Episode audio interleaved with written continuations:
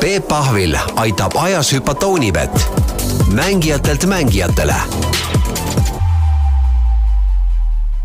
tervist, eetris on Peep Pahvi ajahüpet järjekordne saade ja seekord on hea meel, et õnnestus äh, ülikiirete tegemiste vahelt äh, vedada stuudiosse Rally Estonia peakorraldaja, aga siin saates siiski kui endine noh, nii-öelda tipprallisõitja Urmo Aava, tervist. tere no tavaliselt ma küsin inimeste käest, kes siia tulevad, et millal nad viimati oma spordialaga tegelesid, sinu käest pole eriti mõtet küsida, sest et kõik, kes vähegi rallit jälgivad, teavad, et sa sõitsid Rapla rallil eh, null autot, no see küll ei ole päris eh, ralli, ralli sõitmine, aga noh, ralliautos sa istusid või oled veel pärast seda kuskil rooli taha saanud? ei ole.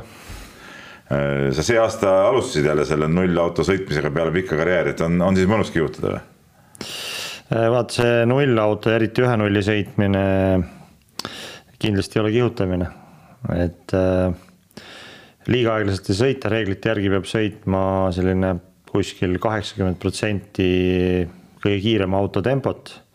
ja sellest see huvitav ülesanne, et äh, pead mõistlikult kiiresti sõitma, aga vigu ei tohi teha, et vaata nagu sportlasena noh, vea teed, siis teed vea ja loomulikult keegi ei taha teha, aga seal on kohe lõpeb siis litsentsi peatamisega, et sihuke mõnus piisav surve peal, aga aga pead niimoodi läbi ajama, et vigu ei tee. hasarti peale ei tule, et pagan tahaks kiiremini sõita? tuleb.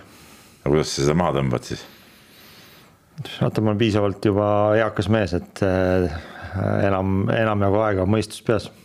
aga ma mäletan aegu, see oli nüüd äh, üsna ammu, kui kui ka sinu enda rallitiimi noored ju käisid nullautot sõitmas ja siin Jaan Mölder, Mölder juunior sõitis nullautot, kunagi on ka, on need nullid, noored kuked nullidega tee pealt välja sõitnud, et siukseid asju on Eestis juhtunud küll. Ähm, siin tegelikult Autospordi Liit ja just rallikomitee on teinud päris tublit tööd, et äh, saadi aru, et et äh, noore koht ei ole nullautos, et seal peab olema kogenud tegijad, on ju et ega sa tänapäeval ka ei näe noori sõitmas nulli, pigem nad on minuvanused, vahel isegi vanemad, on ju. kellel on, kellel on midagi ette näidata või siis, kes ongi nagu professionaalselt tulnud äh, läbi siis alguses sõitnud kolme nulli, siis kahte nulli, ühte nulli, et see on sihuke omamoodi, no ta tegelikult on turvalisustöö, on ju. no turvakohtunik põhimõtteliselt. sisuliselt oled turvakohtunik ja ühe nulli sõitjana sina oled noh, siis juhi mõttes või kaardilugejana, kes annab sellise viimase kinnituse, et see nüüd katse on turvaline ja, ja esimene auto võib tulla. no põhimõtteliselt sa aegu näed ja kas sa ütleme pärast äh, ütleme selle päeva lõppu kontrollid üle ka, et noh, kus sa siis tegelikult selle kiirusega olid või? mis sa arvad?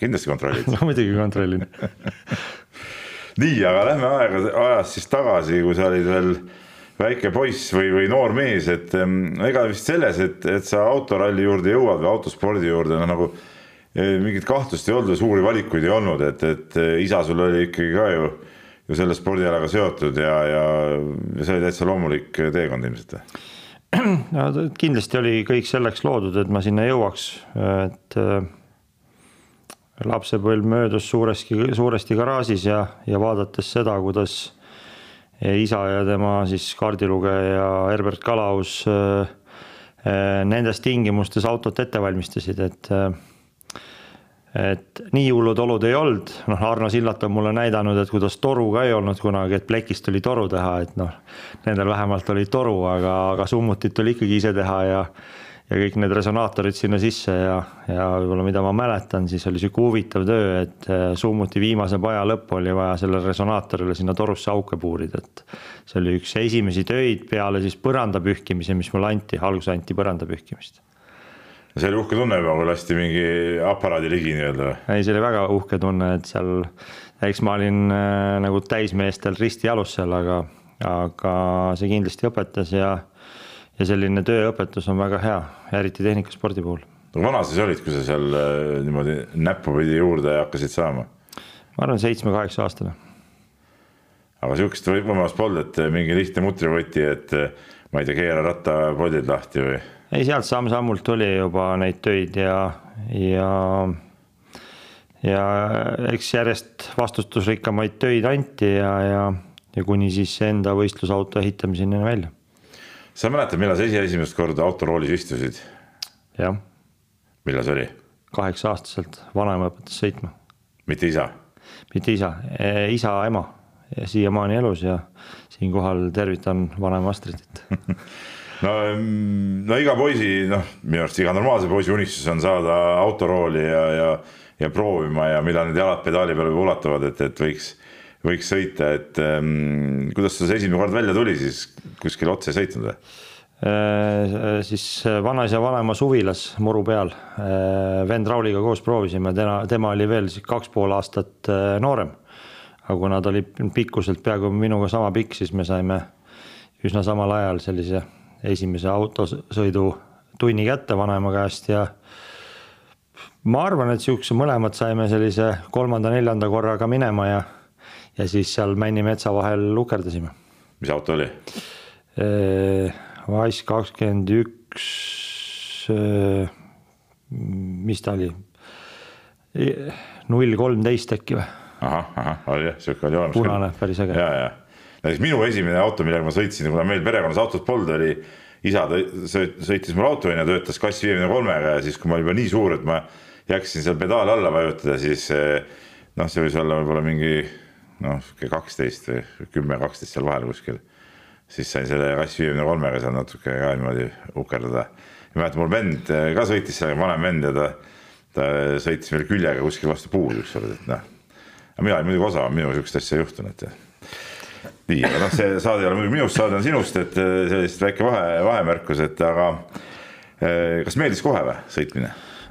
väga meeldis, väga meeldis ja igal võimalusel äh, soovisime vennaga siis äh, roolis olla ja, ja saime ka neid võimalusi, sellepärast et ajad olid teistsugused ja ja, ja just see nagu maal olemine seal suvilas Andineemel, et, et teistest nagu eemal ja siis seal saime sõita nagu päris palju.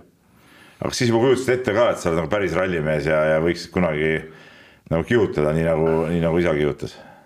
ei no eks ma ikka unistasin ja, ja istusin isa kõrval ja aga ma arvan, et selline esimene ikkagi nagu eh, seotud kirg selle spordiga tekkis siis, kui ma kaheteistaastaselt sain sõita mm, koolisügisrallit, mis oli siis teada-tuntud selline isa-poeg ralli, et äh, härra Tittmann seda korraldas mm. -hmm. ja, ja, ja, ja seal sai esimest korda kuidagi ära ukerdatud ja, ja enda vanuseklassis kuskile sinna keskele, et äkki oli mingi kakskümmend neli noort ja siis ma olin üksteist või kaksteist ja siis, siis tundus, et noh, päris viimaseks jäänud ja. no erilist annet nüüd seal ka nagu ei näita ju ma ei tea, ega äh, ma olen piisavalt pikalt olnud ise ka sportlaste treener ja ja sa ise ka on ju, siis meil ühesugune kirg on ju, et äh, et kui sa oled äh, noor ja sihuke uljas treener on ju, kogemusteta, et siis tahaksid kohe anda hinnanguid, nii nagu sa mulle praegu andsid. ma praegu tahtsin puid alla panna, nagu sa aru said et äh, mul on pigem elu õpetanud seda, et tihtipeale läheb lausa vastupidi. et kui on alguses liiga hästi läheb, siis kipub osadel noortel kaduma soov üldse selle spordialaga tegeleda, et liiga lihtsalt tulevad asjad, et mul kindlasti ei tulnud ja, ja see soov ära ei kadunud, pigem vastupidi. aga said isa käest mingeid õpetusi ka enne seda, eh, seda esimest rallit, et eh, kuidas, ma ei tea, mingit kurvi läbida, seal nendel rallidel oli palju mingit vigursõitu, ega see ei olnud mingi sihuke kihutamine, nagu tänapäeva rahvarallid on sellega võrreldes läinud nagu väga sportlikuks, eks ole, et, et, et need toona olid ikka siuksed rohkem siuksed nikerdamised.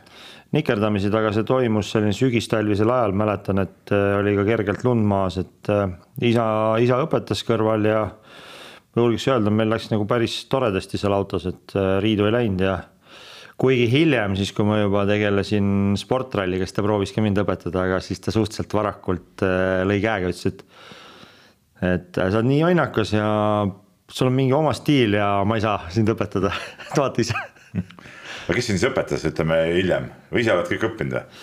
ei, eks ikka isa andis nõu ja, ja Herbert andis nõu ja, ja oli veel nõuandjaid, aga sellist ühte nagu õpetajat ei olnud ja. ja eks see oli ka, eks ta tuli minu sellist põikpäisusest ja, ja. ja kui ma jõudsin päris MM-ini välja, siis kaks tuhat kolm, kaks tuhat neli, siis ma kaks tuhat neli sain aru, et, et mul on vaja õpetajat, siis ma leidsin leidsin ühe õpetaja Itaaliast just nagu asfaldi jaoks. aga sinnamaani ega väga sihukest nagu tehnilise spordi õpetajat ei olnudki ja tagantjärgi võib öelda, et vigane. Nojah, ikka ütleme, noorel peab olema neid nii-öelda suunajaid ja, ja, ja abistajaid, aga millal sa seda esimest autot endale ehitama hakkasid, et, et saaks, ütleme, mingid noorterallidel ja rahvarallidel osaleda?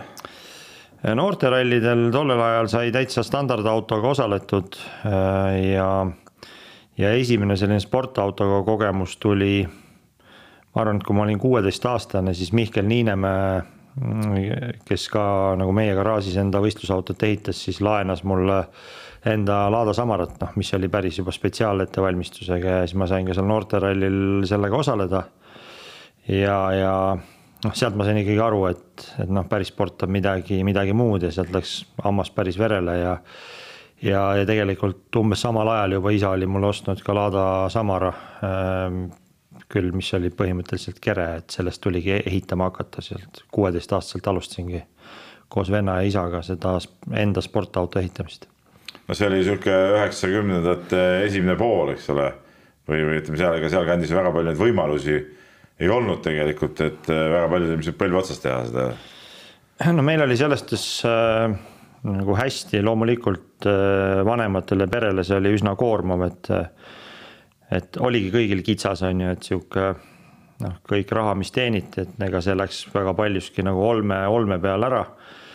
aga noh, nii palju ikkagi vanemad leidsid võimalusi, et, et sai seda autot ehitada ja, ja õnneks isa tegeles, noh siiamaani tegeleb koos vendadega autoremondiga, et selles samas garaažis, et meil oli koht, kus ehitada, meil oli noh, piiratud vahendid, aga siiski need olid olemas ja mis kõige tähtsam, et ju isal, äh, vennal ja mul olid oskused olemas, et, et seda teha, et me ei pidanud seda sisse ostma, sest siis ta oleks olnud nagu rahaliselt võimatu. mäletad ka kaua see esimese auto ehitamine aega võttis, et kui see kere sulle sinna tekkis ja kui ta ütleme siukseks äh, sõiduvalmis sai? Äh, kuskil kolm, üle kolme aasta. see on julm aeg ikka tegelikult ju. jah. et no kujuta ette praegu, et mõnel noorel ütled, et kuule, et kõigepealt ehita kolm aastat siin autot ja siis hakkad sõitma, et no see nagu ei tänapäeva maailmas ei ole nagu reaalne. oi, me läksime ikka isaga nagu ikka kordi riidu sest noh, tal on selline, ma arvan, et see ei ole halb, lihtsalt küsimus, kes selle üle elab ja kes ei ela, mina vist elasin, et äh, ta lasi teha, siis tuli vaatas, ütles valesti, lõika lahti tee uuesti.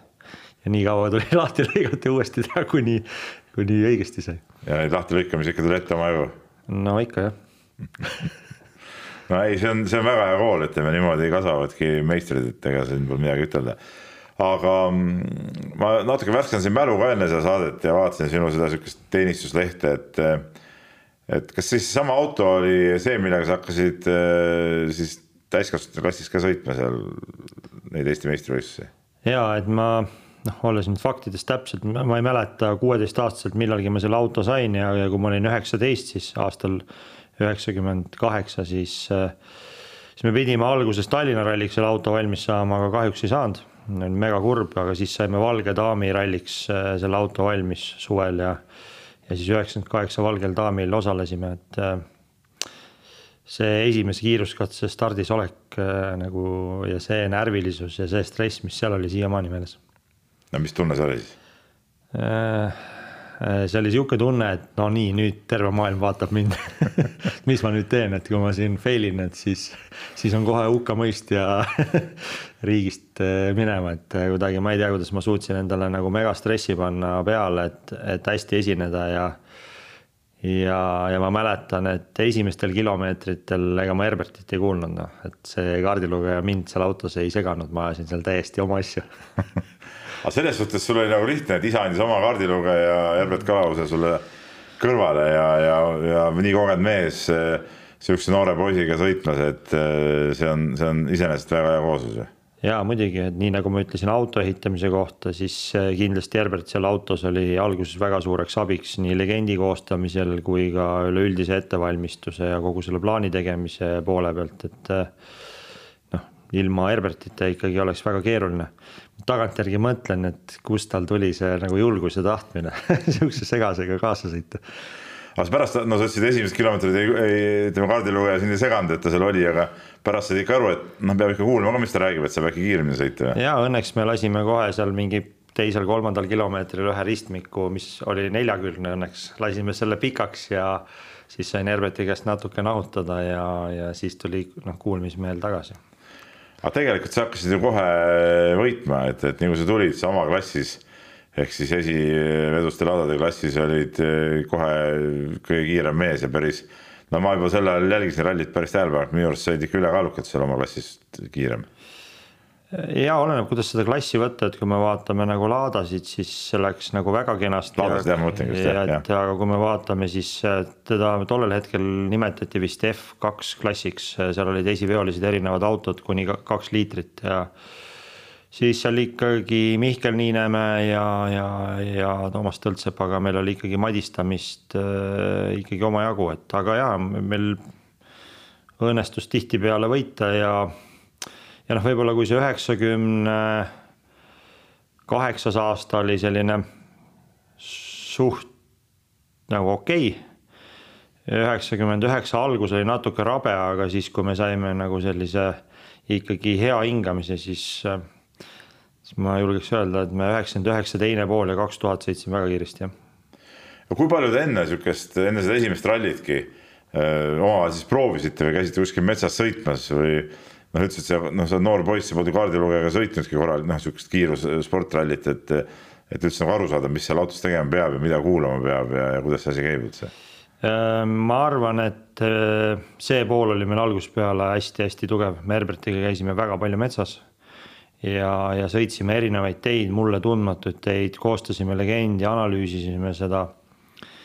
ja, ja see, see baas oli hästi tugev mitte ma ei ütle, et nüüd mu legend oli väga hea, et kui ma tagantjärgi mõtlen, et siis noh, ta oligi selline nii nagu mu sõidustiilis oli omajagu jonnakust on ju, sihukest peaga läbi betoonseina, et peab saama, siis seal legendis oli ka omajagu, et noh, et jumala eest kuskilt aega ära ei anna, nüüd ma tagantjärgi tarkusena ütlen siis seda, et noh, seal oli väga palju jamasid sisse kirjutatud et aga noh, tööd, tööd sai tehtud ja, ja vaadates tänaseid eh, osasid nagu noori, kes ka küsivad mult abi, siis nad, siis nad kuidagi ei, ei oska või, või ei taha seda nagu tööd hinnata. et see on, see on ralli mõttes, kui ralli on väga nagu kallis ala, siis, siis selline metsas musta töö tegemine ja noh, täna on ju videotehnika nii hea, on ju, et sa saad oma võistlusi analüüsida, sa saad oma treeninguid analüüsida. noh, see sisuliselt maksab null eurot, natuke elektriraha on see videotreening aga kui te seal ähm, neid legendi koostasite alguses, kumma sõna siis peale jäi, et sina ütlesid nii, aga no ütleme, kogenud kaardilugeja ütleb, et kuule, see päris nii ei ole. et, et äh, kui kõva see vaidlus oli ja kelle sõna siis tähtsam oli ikka?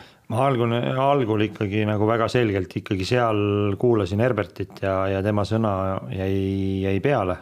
aga noh, mida aeg edasi, siis eks see minu jonnakus kasvas eks see ikkagi, ma olen äh, tähtkujult veevalaja, ma ikkagi nagu proovin mööda voolata et kurat, mina sõidan, eks ole, mina ütlen, kuidas asjad on. ei, see ei olnud niimoodi, et meil ikkagi oli sel-, selles suhtes oli kõik äh, väga kenasti paigas, et äh, noh, Herbert ju põhimõtteliselt mu isa vanune nagu isa eest autos mm, -hmm. et noh, sellist mingeid eba, ma loodan, et ei olnud ebaviisakaid vaidlusi, et ikkagi mhm. olid asjad paigas, üks oli noor mees ja teine oli väga nagu kogenud äh, kaardilugeja no ma vaatasin ka ja tuletasin jälle meelde natuke, et kaks pool aastat või kaks pool hooaega sa või sisuliselt kolm hooaega sõitsid selle ladaga, et noh, arvestades juba seda, et see oli juba siis nii-öelda sajandi vahetus, eks ole, kus Lada võib-olla polnud nagu mingi nii, nii eriline auto enam, et, et kas liiga pikaks see esimene periood ei läinud või?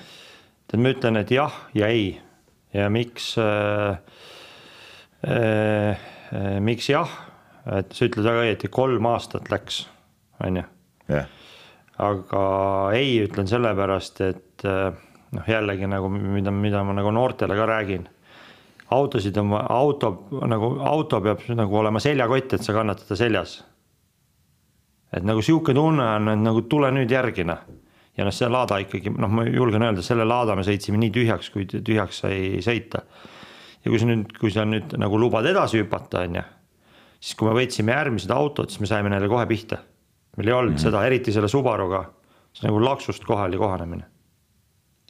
no Subaru oligi järgmine auto sul, eks ole, millega sa sõitma läksid, äh, kas äh, Herberti jaoks oli see liiga kiire juba või seal toimus see kaardilugeja vahetus esimene? tead, nüüd me peame kerima natuke tagasi, et, äh, et Herbertiga siis läksime üheksakümne üheksandal aastal Mänta rallile. mis oli siis tollel hetkel Soome MM-ralli ralli siis selline testralli. Ja siis, siis ma esimest korda nägin Markus Grönholmi elusana ja, ja Carlos Sainzi mm -hmm. samas service pargis, et. see oli omaette kogemus. see oli omaette kogemus ja aga kuna Mänta ralli põhimõtteliselt oli väga paljuski sarnastel teedel nagu Hüvasküla, siis äh, ei läinud palju aega. kui esimest hüppalt me hüppasime niimoodi, et maandusime kraavi, ei maandunudki üldse tee peale, plaks kraavi ja noh, neid juhtumisi oli veel, kuni ma siis teisel katsel sain aru, et selle legendiga, selle teadmisega, noh, selle hooga, et noh, lihtsalt me hüppame nagu puu otsa hüppama. siis ma võtsin selle hoo maha ja, ja sõitsime selle Mänta ralli ilusti lõpuni, saime kogemuse, aga see oli, see oli tegelikult nagu Herberti jaoks, siis ta ütles, et kallid sõbrad, nüüd hakake otsima uut kaardilugejat. ma ei taha selle asjaga tegeleda, küll aitas meid seal edasi ja, ja siis tuli Peeter Poom tegelikult üheksakümne üheksanda aasta äh, lõpupoole tuligi ja sealt, sealt juba tegime siis stardid Peetriga ja, ja siis see kaks tuhat läks Peetriga nagu väga-väga hästi ja nagu ma ütlesin, et kiirus oli väga kõva. ja, ja siis tuli mängu juba Toomas Kitsing, kes võimaldas ka meil siis äh, küll siis sõitsin Toomasega koos juba kaks tuhat aastal äh, Ford Escort Cosworthiga Paide ralli ja, ja, ja. Saaremaa ralli jah. ja Saaremaa ralli, mis jäi üsna lühikeseks, et. et ähm, ja, ja siis jõuame sinna nagu Subaruni, äh, kuhu me korraks jõudsime, kaks tuhat üks aasta. Äh, Subaru oli, oli nagu kohe ka jälle ütleme, nagu sa ütlesid, oli käpas, eks ole, et su kiirus oli kohe olemas ja Eesti meistriks kohe tulid sellega ja ta läks nagu talveralli läks ülimalt hästi, et isegi seal oli rehvi purunemine üks ja lõpetasime siis N-rühma võitjatena ja absoluudi neljandana, et muidu äkki oleks, äkki, äkki oleks seal äh, Vasaraudsisega, kes oli siis A-rühma Mitsubishi Evo äkki, ma ei tea, kuus või mis tal oli. oli väga-väga kõva tegija, et endale üllatuseks olime väga-väga kõrges konkurentsis ja, ja oligi väga suur üllatus, et kuidagi Margus Murakalt selle auto ostsime. ja äkki ma paar aastat ennem seda oli Muraka kõrval saanud istuda, siis mulle tundus täiesti ulme, mõtlesin, et nagu ütlesin isale ka, ma ei hakka elu sees nii kiiresti sõitma, see on nagu täitsa nagu noh. aga siis Murakas oligi veel kiire? ta, ta oli väga palju peale seda ka veel väga-väga kiire, sõitiski väga hästi, siis mul oli täitsa karp lahti, mõtlesin, et mine metsa, mis vend, noh, kuidas niimoodi sõidetakse. ja siis sain selle Subaru ja ja tõesti, see auto oli noh, siis Margus oli ta väga hästi ette valmistanud ja noh, esimene talvetest siis oli kohe nagu käpas ja õudselt meeldis see auto. aga see oli neli vedu juba ju? see oli neli. sa olid, läksid oma lada pealt, istusid neliveduse autosse, eks ole, no see on teine maailm ikka ju. ei, see on teine maailm, aga see on nii, nagu nii lihtne sõita. see lihtsalt sõitis noh no iseenesest, et no panin gaasi ainult ja sõitis ise. ei, ta sõitis tõesti, seal oli reguleeritav keskdiferentsiaal ja noh, kõik jutud selle hetke kohta, ta oli ikka täitsa nagu ulme aga noh, see on niisugune auto, mida sa okei okay,, sa ladad, sa võisid seal oma garaažis eh, ju, ju noh, une pealt ilmselt kokku ja lahti võtta ja nagu lihtne auto ikka tegelikult ju mootor ja kõik asjad. aga sihuke Subaru, see on juba tehnika mõttes ka ju, ju järgmine level, eks ole, et seda ju päris niimoodi põlve otsas, ma kujutan ette, ei, ei saanud enam teha ju ei, no ta sellest, ega me ei olnud seal ju Kostivere garaažis, me ei olnud seal põlve otsas, et me ka selle lada ehitasime väga-väga vingeks, suhtlesime Soome kolleegidega, Andres Vanaseljaga, Andres oli väga palju abiks seal veel, veel erinevaid muid nagu tehnikuid, Urmas Pahkma kõva nagu elektri siukse tehniku insenerina abiks, et meil ei olnud seal nagu Kostivere garaažis midagi, et traktorite vahel tegime, et näed, me olime tasemel ja, ja. vatipüksid jalas ja. jah, et ega siis Subaru, Subaru me saime käppa, loomulikult seal oli nagu uuemat tehnikat, mis vajas süvenemist. et Marine auto poolt saime abi, et me ei olnud hädas. Kui me jõuame järgmise sammuni, seal me olime hädas. ja, ja sinna ma kohe jõuan jah, jah, et no tegelikult see, see, see Subaru lõik jäigi väga lühikeseks, eks ole, et, et sealt edasi kohe tuligi, sa hakkasid Eestis ka sõitma eh, siis eh, WRC autoga juba. jah, ja see tuli Soomest Jari Viida käest. aga see oli ju suht sihuke ikkagi vana ja, ja väsinud juba või? No, no minu mälupildis, minu mälupildis see on, on see jäänud nagu siukse nagu, nagu vana krüsana, aga see võib-olla päris nii ei olnud tegelikult. no tegelikult nii oligi, see oli kotlet, see auto. palun vabandust. Fordil ei ole häda midagi, lihtsalt see auto oli täielik kotlet. no siis ma mäletan õigesti ikka. aga ta oli WRC. ta oli WRC, aga ta oli tollel hetkel mõni aastat vana nagu tipptehnoloogia WRC, mida oli korduvalt, korduvalt, korduvalt üle katuse keeratud, igasuguste asjade pihta sõidetud, see oli elektroonikat, hüdraulikat täis ja lihtsalt talle remonditud katkiste tükkidega. ta oli pea sada kilo raskem, kui ta pidi olema see elektroonika ei töötanud, ta andis kogu aeg valesid alarme, seal mingid andurid ei töötanud, hüdraulilised asjad ei töötanud, ta lekkis igalt poolt äh, otsast, et see, meil läks pool aastat, et see auto saada enam-vähem korda. kas oli mõtet sihukest autot muretseda endale? Et no tegelikult sihuke korraliku N-rühma autoga, ka neliveolisega võib-olla oleks see areng olnud loogilisem kui mingisuguse, mis üks aasta sihukese sihukese suvalise Barsa WRC-ga annab, noh peale selle sa sõitsid ikkagi tavalisi rallisid suhteliselt midagi ja noh, ma. tuleme, tuleme nüüd Toomas Kitsingi juurde tagasi, kellel on ikkagi väga-väga oluline roll olnud minu karjääris, siis et sellel hetkel, kui mina istusin kaks tuhat üks Subarusse, siis ju Toomas ja, ja Margus tõid enda toetajatega Eestisse selle Corolla, Toyota Corolla ja. WRC, mis oli väga hea auto. muuseas, ma olen ka selle kõrval istunud, Marguse kõrval, kui sa ennist meenutasid siin, siis mul praegu tuli ka meelde, et selle Corolla sõit, ei, see oli, see oli raju, eks Margus tegi meelega, muidugi võttis kurve ka nagu meelega veel, veel uhkema siukse lennuga ja, ja küll libisemisega, see oli väga-väga raju üritus. Noh. ja, et ma arvan, et seal nagu Toomasel tekkis nagu selline mingi loogika et, et Margus, Margus tegi sealt nagu väga head sõitu. noh, ütleme ülekaalukas Baltikumis on ju. ja kuna ma Subaruga õnnestus mul äh, Eesti meistrivõistlused äh, võita, olla üsna kiire ka Euroopa meistrivõistlustel Kursemael, siis noh, eks see ambitsioon äh, ikkagi Toomas Kitsingul kasvas ja, ja ja ka ise võttis väga suure riski, et see auto tuua, loomulikult ka tema ei teadnud, et see sellises konditsioonis on või noh noh, ega kunagi lõpuks ei näe sinna sisse ja ja, ja, ja sealt see asi niimoodi läks, et meil absoluutselt ebaõnnestus äh, talveralli, mis sõideti muideks äh, samas kandis, kus me oleme praegult Rally Estonia kiiruskatsetega, see Mustjõe ja Peipsi ääre kant ja ma no siiamaani mäletan, et terve ralli ajal see auto andis mulle valesid alarme, küll olid äh, õlirõhk maas, siis jäin jälle peaaegu seisma, vaatasin, et no tegelikult vist ei ole õlirõhk maas, kadus ära, on ju veetemperatuur üleval, mingid käiguvahetus ei tööta, on ju, mingid sada häda. aga, aga lõpuks me saime selle auto korda ja ja jällegi tänu sellele autole tulid järgmised sammud, et Kursemel siis Euroopa meistrivõistluste etapivõit ja Soomes teelt välja sõita, aga sealt edasised tegevused, ega kui me Soome ei oleks läinud selle autoga, noh, võib-olla sul õigus, võib-olla oleks Subaruga läinud ja oleks sama tulemus, et ma ei tea, aga ma ei taha kuidagi siin nagu Toomase otsuseid hukka mõista aga no ütleme, WRC, nagu sa ütlesid, et selle Subaruga saite ise hästi seal hakkama veel. kas seda WRC-d te ka siis ikkagi ise nagu timmisite ja sättisite kogu aeg või? ise ehitasime, aga häda oli selles, et seal oli reaalselt juba vaja M-spordi insenere. raha meil ikkagi nappis nagu no ikkagi raha oli väga vähe ja me tegelikult ei olnud valmis finantsiliselt eh, põhiliselt ei olnud valmis tegelikult selle autoga sõitma. no aga ütleme, sealt jõuame tegelikult eh, sinu karjääri minu arust kõige siukse no, no huvitavama perioodini mõnes mõttes. ehk siis sa sõitsid juba WRC autoga. noh, see võib tunduda ju praegult nagu, nagu juba kosmos on ju, kes siin ikka WRC autoga sõita saab. ja siis korraga järgmine hooaeg istusid minu arust maailma kõige koledamasse ralliautosse ja hakkasid sõitma juunioride sarja selle Suzuki'ga. vaidlen vastu. kaks tuhat kolm aasta auto, Suzuki Ignis, see väikene ja ümar, see oli ilus. sina ilmselt mäletad kaks tuhat neli edasi, kus oli see pitsatakso. jah, noh jah, aga võib-olla see, ei no ma mäletan neid, aga võib-olla mul ei ole isegi võib-olla see esimene meeles, no igatahes, no igatahes see, ma mäletan, üks oli sihuke kandiline ja kole ja see oli päris hirmus auto minu arust, et noh.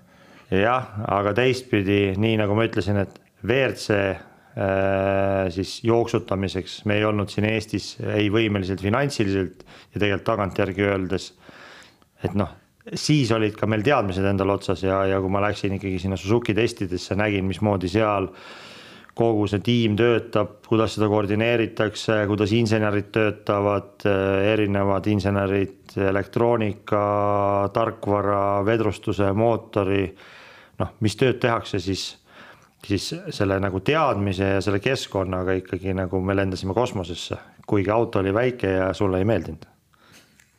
Äh, kas see oli Toomas Kitsingu idee, et äh, sinna minna? Äh, see tuli päris huvitavalt, seda on ka nagu varem räägitud, et siis kui me Toomasega kaks tuhat kaks aasta siis Jyvaskyla rallil sõitsime neljandal äkki katsel kraavi. ja see ralli jäi meil pooleli, siis Erki Ots siis tollel ajal, siis ta oli veel Japo auto esindajana, käis seal Jyvaskylas service pargis ringi ja vaatas noh, ütleme mitte nagu absoluutselt vastupidise pilguga nagu sina, et oi kui tema vaatas kindlasti, et oi kui ilus Suzuki tiim, sest ta oli Suzuki maaletooja. ja läks lihtsalt rääkima, et oh, mis te siin teete ja et eh, kas üks eestlane võiks ka äkki siin tiimis sõita järgmine aasta. siis nad ka ütlesid, et ma ei tea, et, et saada, saada see eestlane siia siis ja siis ma läksin jutule sinna ja, ja rääkisime ja, ja siis ma saingi juba sama aasta äkki septembri alguses äh, või augusti lõpus, ma täpselt ei mäleta, sain kutse Soome siis äh, sellistele testidele, kus siis erinevaid, erinevaid maailma siis selliseid nooremaid sõitjaid testiti. nojah, et ütleme nendele, kes praegu rallit jälgivad ja juunior WRC-d, kus sõidetakse, kõik sõidavad ühesuguste autodega, siis toona see nii ei olnud, et toona olid ikkagi erinevad äh, automargid, eks ole, seal olid Citroenid ja kas Renault oli ja, ja seal oli niimoodi, et oli Suzuki, ma kindlasti midagi unustan ära, seal oli Suzuki, Opel, eh, Renault, Citroen, Volkswagen, Ford. jah, no ikka oli, aga see oli hoopis, hoopis teistmoodi. äkki, ma ei taha valetada, aga esimene, esimest korda Monte Carlo rallil, Fiat ka veel, äkki oli pea kolmkümmend osalejat, et see oli, selles suhtes oli ta nagu noore sportlase absoluutne unistus. No see oli nagu selles suhtes, see oli nagu päris asi, et ma mäletan, ma ise ajakirjanikuna sõitsin ka isegi siis, kui noh, seal oli, eks ole, noh, Märtinit eh, jälgisime, aga, aga nende sinu sõitude pärast sai, sai päris palju siis, kui Märtin oli isegi juba lõpetanud, sai veel su viimane aasta seal, kui sa juunioridega sõitsid, sai käidud ju MM-rallisid vaatamaski nagu, nagu ja sinu neid sõite jälgitud, et see oli nagu niisugune, tundus nagu päris võistlus, et, et see konkurents ja kõik oli päris tihe seal, tead noh ei, absoluutselt, et kui me võtame kaks tuhat kolm, neli, viis hakkas ta lahjemaks minema, osad tootjad läksid ära, on ju. aga noh, kasvõi lööb ju, kui ma ei eksi, kaks tuhat üks või kaks ka juuniorite meister, et eh,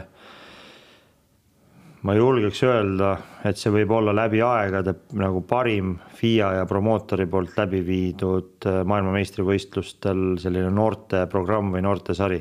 Ma ei tea, kuidas nad suutsid neid autotootjaid niimoodi kaasata reaalselt olidki nagu tehase tiimid esiveoliste autodega? no Suzuki tiimi boss oli kõik need aastad oli väga sihuke särav, särav kuju, eks ole, et, et kui sa nüüd aitad mul seda nime meenutada, see oli. Tatsima ta, Monster, monster väga tore mees oli minu arust. kusjuures, kui me läheme tagasi sellesse kaks tuhat kaks aasta sügisesse testi siis ma arvan, et noh, elu ongi sellistest, äh, sa pead olema ise, ise mees või naine, on ju. aga õnnelikust, õnnelikest juhtumistest ja mis ma pärast kuulsin, ilmselt miks ma sain sinna tiimi. Äh, ja nüüd hüppan veel tagasi, noh, äh, kuulajal-vaatajal keeruline nagu jälgida. sa küsisid, et nagu Laada Samaraga, et kas liiga palju ei saanud on ju, siis kuna ma Lada Samarat olin seljast tassinud, siis kruusa peal mul oli üsna lihtne kohe seda Suzukit ka seljast tassida. ja kuna see test oli Soomes, kuigi öeldi, et kui puruks sõidad, siis noh, siis kohe koju ja noh, üldse ei räägi, aga noh, siis me Toomasega läksime, ega seal ma väga risti ette ei löönud. ja siis, siis Monster oli küsinud, et, et, et kuna tal endal oli ka sihuke natuke poolhullumeelne sõidustiil, siis ta oli küsinud, et kes see on ja sealt kuidagi jäi, jäin, jäin pildile, sest sest eh, mida ma kuulsin, mu inglise keel oli absoluutselt nagu allapoole igasugust arvestust ja, ja Eesti riik ka neile ilmselt ei tähendanud mingit nagu megaturgu, et mm -hmm. paberil mul liiga häid äh, šansse ei olnud, aga kuidagi jäin suurele bossile silma ja, ja õnneks ta tegi sellise valiku. no eh, me rääkisime, see auto oli väike ja sihuke kipakas, et, et Toomas siis suure mehena oli liiga suur selle selle auto jaoks, et see, see tänu sellele pääses Kuldar Sikk siis sinuga nagu rallimaailma või? ja Kuldariga on sellest pull lugu, siis Toomasega mõtlesime. aga ma vahepeal olin ju WRC-ga, sõitsin Peep Kallastega veel, kes on nagu reaalselt on meeter, üle meeter üheksakümne pikk. jah, jah, oli ka see. on ju, et, et, et siis ma mõtlesin, noh Toomasega ei saa, Peebuga ei saa, mõlemad mehed said ka ise aru, et nendega ei saa sinna väiksesse autosse minna ja siis hakkasime Toomasega vaatama, et Eesti meistrivõistluste stardinimekirja. siis vaatasime, vaatasime, noh ikkagi pigem siuksed nagu raskema kaaluga. mehed nagu metsapullid, eks ole. Siis vaatasime Valdur Reinsalu, Kuldar Sikk, see oli kuidagi meeles, Kuldar, kurja küll, et see on, see on päris heas kaalus vend. Ja niimoodi siis siis saime Kuldariga kokku ka, niisugune väga sümpaatne ja tore tüüp tundus ja ja ega sealt nii saigi mindud, täitsa tühja koha pealt. Et tähtsad polnud oskused, esialgu tähtis oli kaal. ja, ja ma loodan, et nüüd Kuldar ei pahanda. me tegime Monte Carlo ülesandmise tiimile ära ja siis, kui ma läksin esimest korda Kuldariga Leesi juurde metsa, siis ma sain aru, et eh, nad noh, ega nad Valduriga olid teised eesmärgid, et nad natuke teistsuguse spordialaga tegelevad kui meie aga siis sa alles aru, jah? siis ma sain aru, aga siis ma sain aru, et, et noh, nüüd nagu rong juba liigub, et, et siin on ainukene võimalus teha kõvat tööd ja siis istusime Kuldariga metsas ja ja tegelikult Kuldar nagu väga tööka tüübina ja väga kiire õppijana saime selle asja päris, päris kiiresti jonksu ja. nojah, ütleme Monte teede peale minna, minna niimoodi, et äh, asjad ei klapiks nagu üldse, on ikka suht keeruline. kuule, kujutad ette, ma olin käinud enne seda Soomes ja Lätis mm. -hmm. Ma ei olnud lennukiga lennanud mitte kunagi ja ma ei olnud elus mägesid näinud, rääkimata see, et ma oleks asfaldi peal sõitnud. Saad aru? jah, et see, et kõik, kõik see kokku annab päris hea kombo muidugi. et mees, kes polnud mägesid, polnud mägesid näinud elus. Aga kust sa võtsid selle teadmise, kuidas seal üldse siis, ma ei tea, sõita, legendi teha? tegime lihtsalt. Ja meie õnneks oli Monte Carlo tollel aastal väga-väga lumine, meeletult lumine ja sisuliselt, sisuliselt seitsekümmend protsenti sellest võistlusest äh, toimus küll mägistel, aga lumistel teedel ja see on üsna pea aru, et, et ta on küll mägedes, aga, aga sõidaks nagu Eestis äh, talvel tavarehviga mingit lumerada. No äh, Monte, Monteks äh, tegelikult ega selle äh, nende juuniori autodega sõitmine, ma mäletan ka kruusarallidel kujunes ikkagi rohkem siukseks ka nagu häda ja viletsus oli sellega, et nad kippusid lagunema ja rehvid olid alati katki ja, ja mingi sada häda oli seal, et et kui palju sa siis nagu päriselt sõita sai ja kui palju pidi tegelema sellega, et, et seda autot nagu tervena hoida üldse? noh, kui me võrdleme siis äh, mitte küll nüüd selle aasta nagu juunior WRC autoga, mis on äh, neljaveoline äh,, siis varasemate juunior WRC autodega, mis on olnud esiveolised, siis äh, tollel hetkel ikkagi see juunior WRC auto oli A-rühma auto, see oli tegelikult väga korralik auto. lihtsalt need tingimused, kui me räägime Türgi, Kreeka rallid, äh, Sardiinia rallid olid peale neid WRC-sid nii rasked. noh, ega, ega nad täna ei ole teistsugused, siis ikkagi pidi mõtlema aga noh, ega meil seal kui meil kiirus ikkagi juba oli olemas, siis see võidunälg või kiiruskatsete võidunälg oli nii suur, et et noh, eks me hambad ristis tulime ja, ja miks sa seda niimoodi mäletad, eks meil, ma arvan, et ma ikkagi olen rehvi purunemise, rehvi purustamise maailmameister. no neid ikka oli jah, palju, ma mäletan küll jah, et, et toona oli veel ju noh, ei olnud nagu neid siukseid ralliülekandeid nagu praegu, et selle arvuti, sihuke ralli pressikeskus oli sihuke arvuti, kus siis ilmusid arvutiekraani peale need äh, Äh, splitid ja, ja, ja siis sai ikka vaadatud, et et tuleb, tuleb ja siis vend on kuskil kadunud ja siis on kadunud ja mingi ajakadu ja kaks pool minutit ja palju see läheb, siis ilmub kuskilt välja jälle, et no see, see oli jah, päris, päris huvitav. no esimene hooaeg lõppes kohe neljanda kohaga selles vist. tead, ma ei mäletagi, igal juhul ma äh, mäletan, et äh, Montes olime neljandad. Kreekast tuli poodium Türgis tegelikult läks, äh, äh, läks alguses väga hästi, aga seal olidki mingid, mingid hädad, on ju, seal äh, vedrustus purunes ära, on ju. ja ma ütleks, et esimene hooaeg tegelikult, isegi ei tea, mitmendad, ma ei usu, et me neljandad olime, ma arvan, natuke kaugemal, aga võib-olla ma eksin. sest meil veel. järgmine aasta te olite kaugel, sest järgmine aasta oli täielik ebaõnnestumine.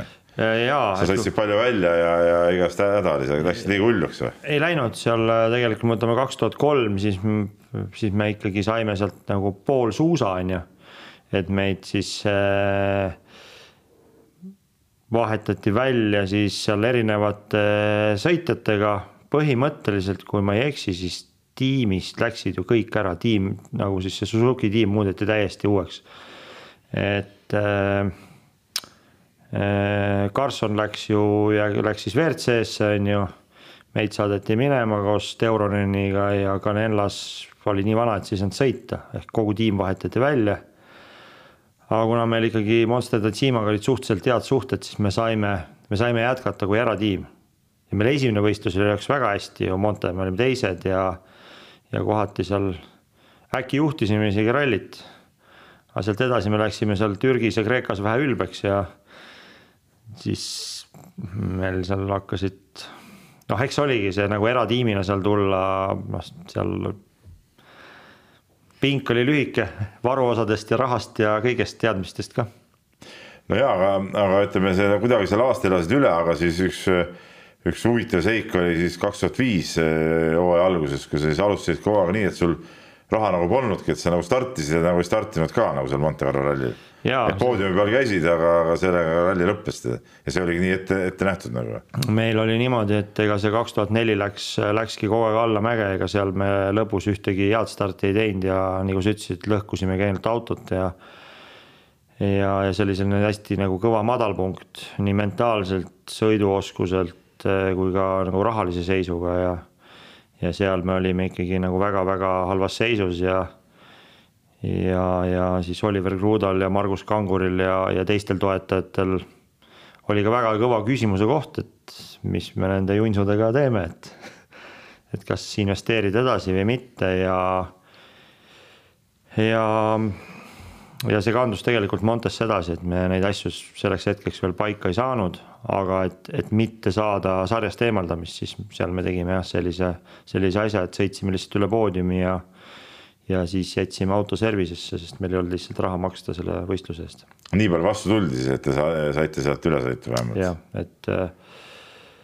et suhted tiimiga olid väga head, saadi aru, et meil raha ei ole, tuldi vastu ja, ja, ja pidime lihtsalt tegema sellist spordijuriidilist jokki no tegelikult, kui nüüd rääkida natuke selle tiimi toimimisest ja, ja teil oli see eratiim ja kõik, et noh, sama Toomas Kitsing, kellest me oleme siin nagu täna juba korduvalt ka rääkinud, et tema kogu seda asja siis äh, orkestreeris nii-öelda või, või vedas, eks ole. No ta vedas kuni kaks tuhat neli aastani lõpuni ja, ja sealt edasi tulid päris suured muutused, et, äh, et äh, siis võttis sellise mm, tiimi finantsilise juhtimise Oliver Kruda äripartner Aare Annus äh, enda vedada ja, ja kogu tiim restruktureeriti nagu siis Eesti-poolne tiim ja, ja tuli mulle siis füüsilise poole pealt appi Tarmo Tiits, on ju, kes ka on Otti siin väga palju aidanud, et et, et seal ikkagi väga paljud asjad muutusid ja nagu ma ütlesin, Victoria Caneva juurde siis asfaldikooli ja, ja, ja ja ka see toetajate äh, nagu tiim läks nagu väga-väga suureks ja, ja seal tegelikult jõu, jõudu oli taga, jah. no kui valuline see kitsingust la, laialiminek äh, oli tegelikult?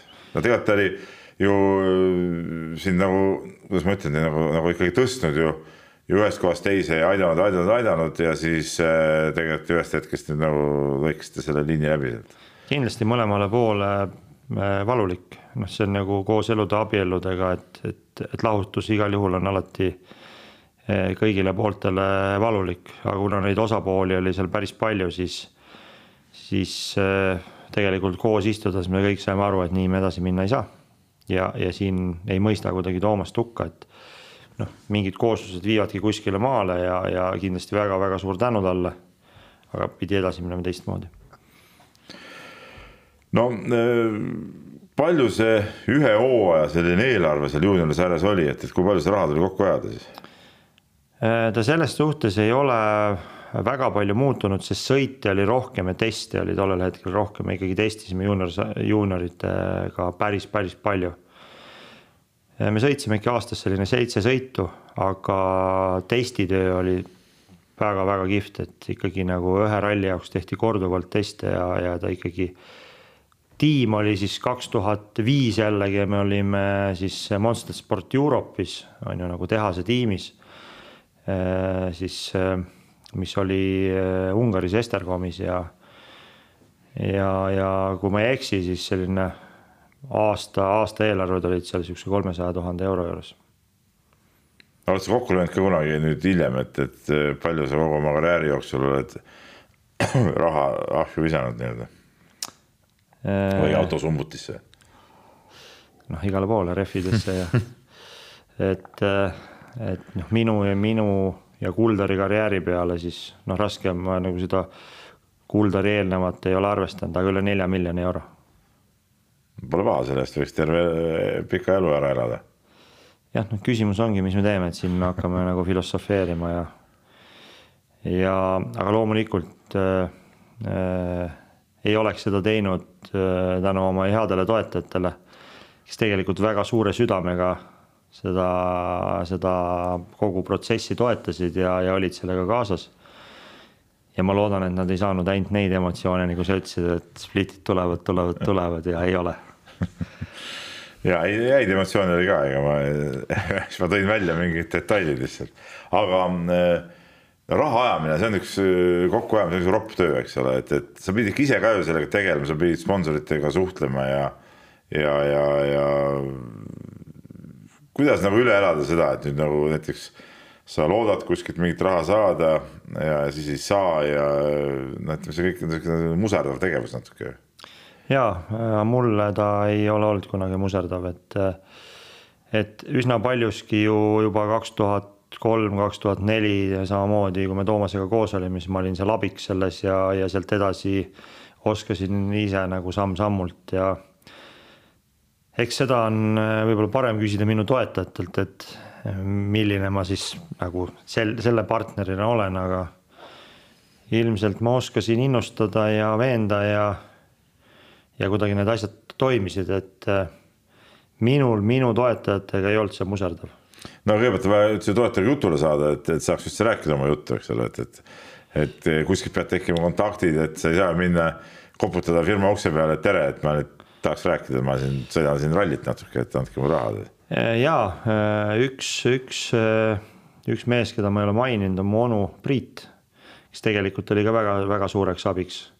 ja kontakti näiteks Oliver Krudaga üldse lõi minu onu Priit ja ta on ka hingelt müügimees on ju, võib-olla isa mul kindlasti on nagu rohkem selline insener on ju, siis onu Priit on müügimees ja väga hea müügimees, et võib-olla ma nagu seda suguvõsa liini pidi olen vähem pärinud seda inseneriteadmist ja rohkem äh, müügimehe tarkust, et eks need kontaktid tekkisid ja, ja noh, sealt ongi küsimus, et kui sul kontakt tekib, missuguse mulje sa jätad ja, ja kuidas sa rääkida oskad ja kui veenev sa oled ja, ja kui mugav on see, kui sa sinna ühte ruumi saad nende toetajatega, kui mugav on mõlemal poolel.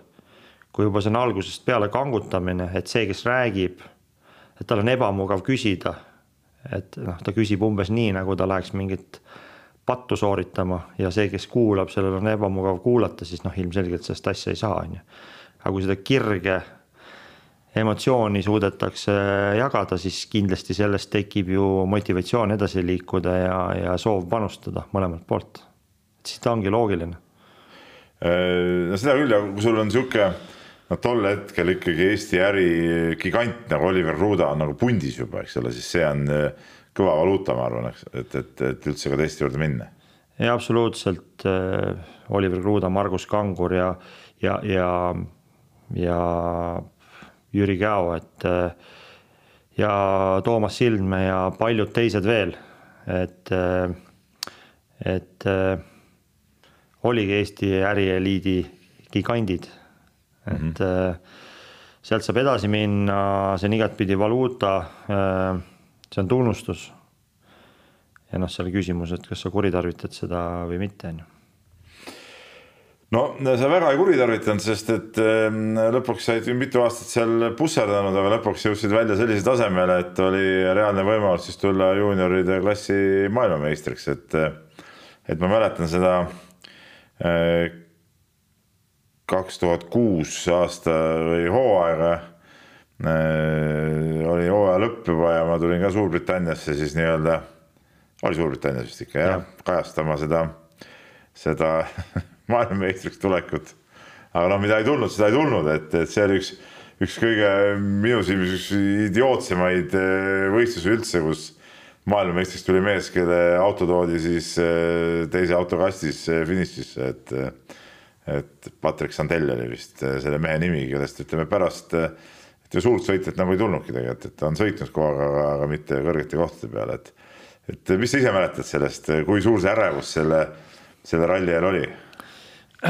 ma julgeks öelda, et äh, kaks tuhat viis lõpus me saime nagu päris hea sellise tunnetuse selle Suzuki'ga ja kaks tuhat kuus saime siis äh, sõitma hakata juba Swiftiga, mis ma ütleks, et oli. see oli ilus auto, selle väga kihvt ja, ja ma arvan, et kruusa peal üldse üks parimaid esiveolisi autosid nagu tolles ajastus on ju.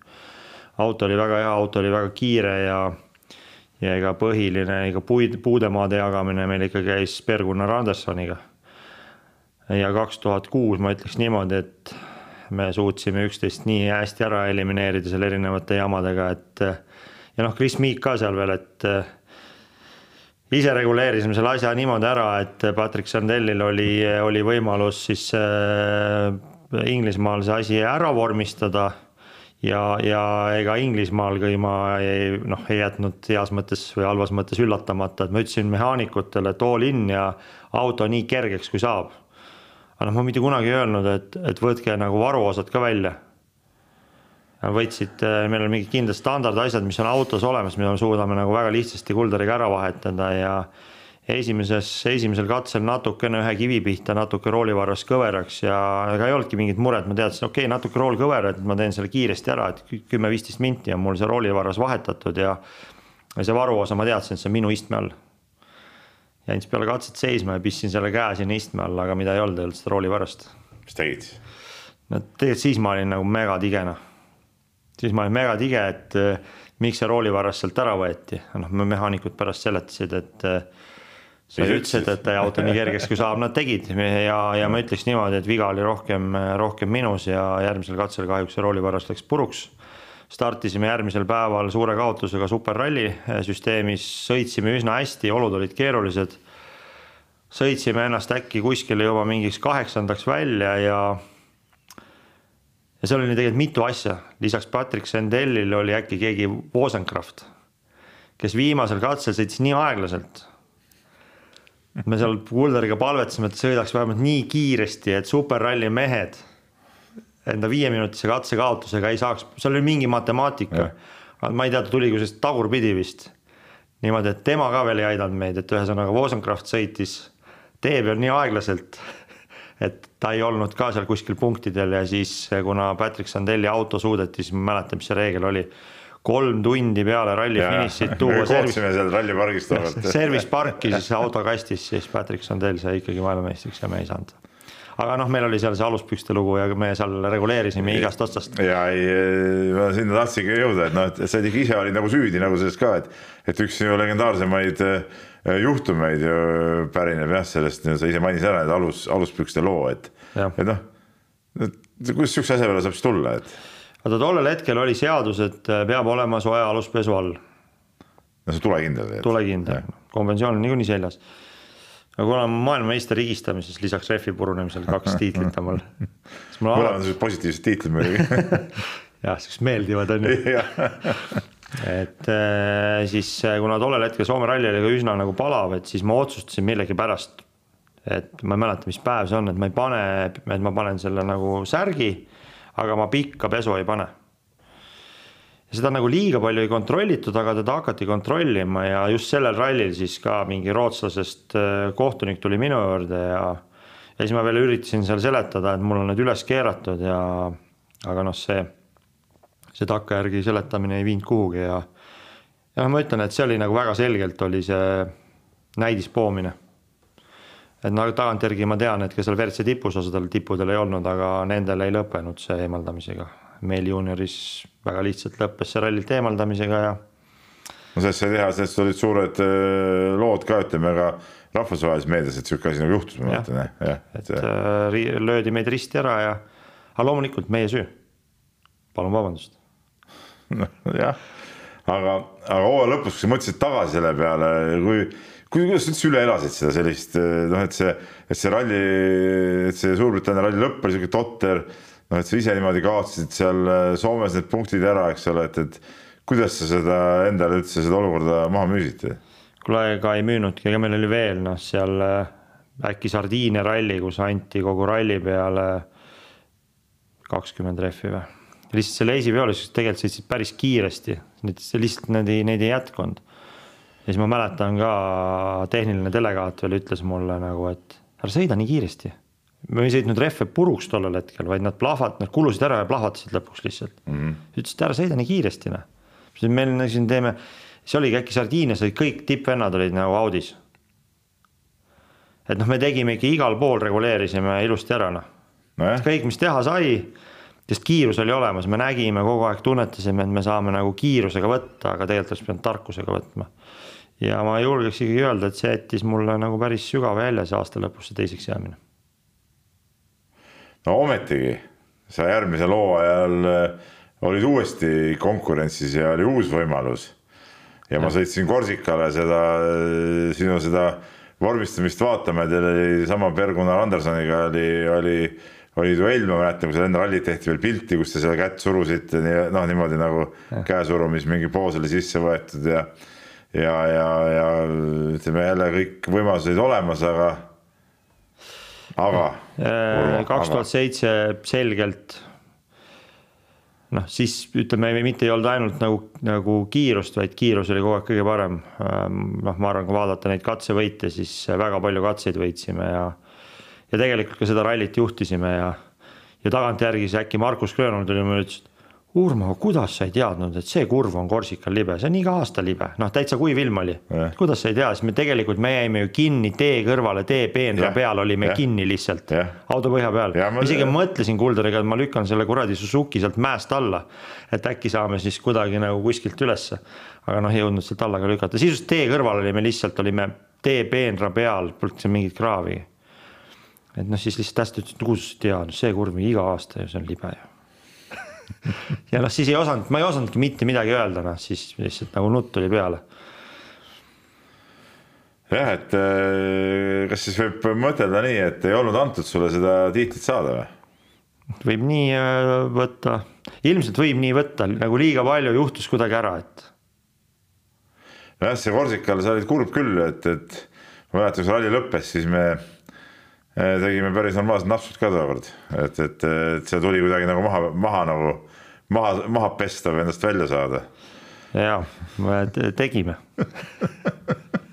Ja ma arvan, vahel tulebki teha napsud, et eh, muidu noh, mitte ma ei ütle nüüd, ma siin ei kutsu üles napsutama muredega, aga ma arvan, et see oli okei okay ja, ja ega sa olid ka meil nii nagu oli toetajate tiim, ega sa olid, sa ikkagi nagu olid omaks meheks siis saanud no sai käidud päris palju ja, sellest on muidugi, muidugi pagana kahju, ega sai ju kaasa elatud ka nende tiitlite võitmiste peale, et need ei tulnud, see oli, oli ikka kõrvalt eh, niimoodi kurb ja paha, paha vaadata, aga aga no katki päris karjäär ikkagi sellepärast ei jäänud, et tiitlit ei tulnud, et sa ikkagi järgmine aasta said, said eh, WRC-ga sõita.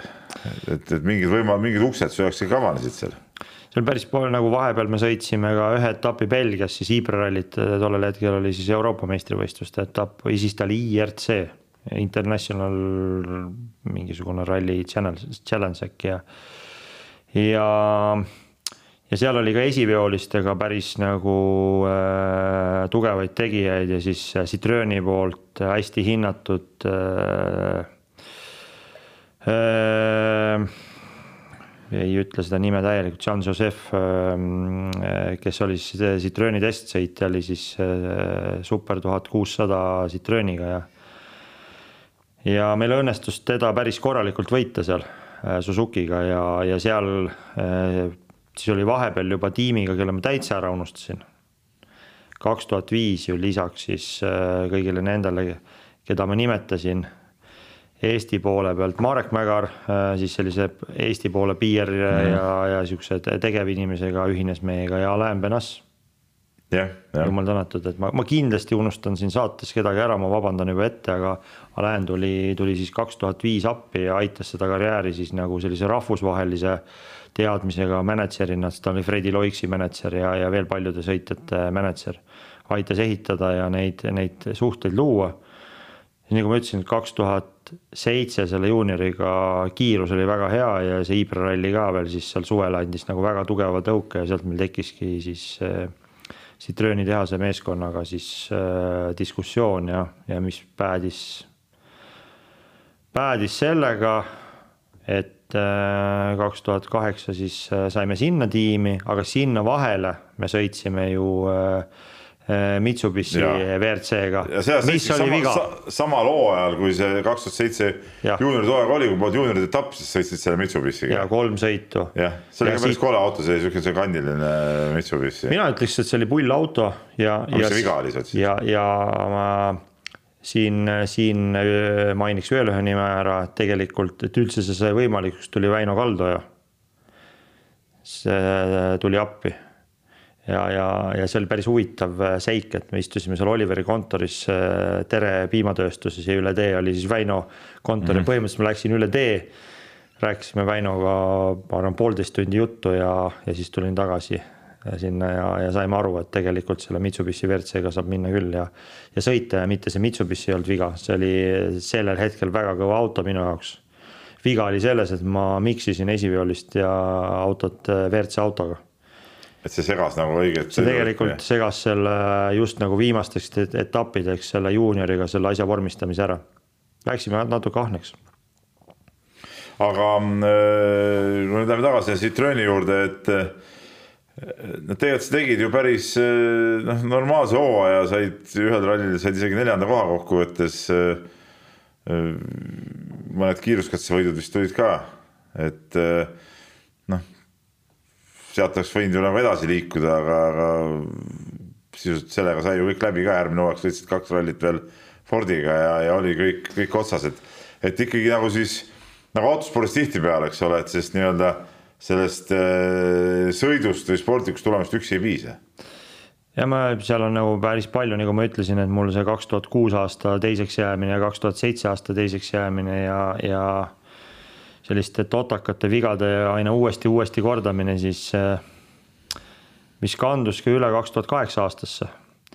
hooaja algus oli siis selle Citrooniga rabe, aga rabe väga paljuski selles osas, et me sõitsime mitu aastat vana vedrustusega ja noh, siis peale Sardiiniat ma tegin nagu nii kõva lärmi, ma ütlesin, et selle autoga ei ole võimalik sõita, et see ei püsi tee peal, on ju, et sellega ei saa teele pihta lihtsalt. ja noh, siis, siis Citrooni tiim tegi väga kiiresti muudatused, andis meile põhimõtteliselt siis sama aasta nagu amordid, millega sõits Sordo ja lööb ja aga lihtsalt natuke lühema käiguga.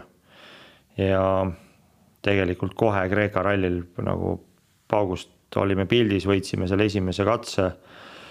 isegi nagu rehvi purunemisega, kus me kaotasime kaks minutit võib-olla nats peale, olime neljandad ja oleks-poleks, mul sellest jube kahju oleks seal ralli saanud normaalselt läbi tulla, ilmselt oleks tulnud mingi minut peale kaotusega võitjale ja ja oleks olnud ka kolmandad ja tõsiselt mega kahju sellest rallist, et ralli sobis, mulle Kreeka ralli on alati meeldinud ja üldse vist eestlastele meeldib.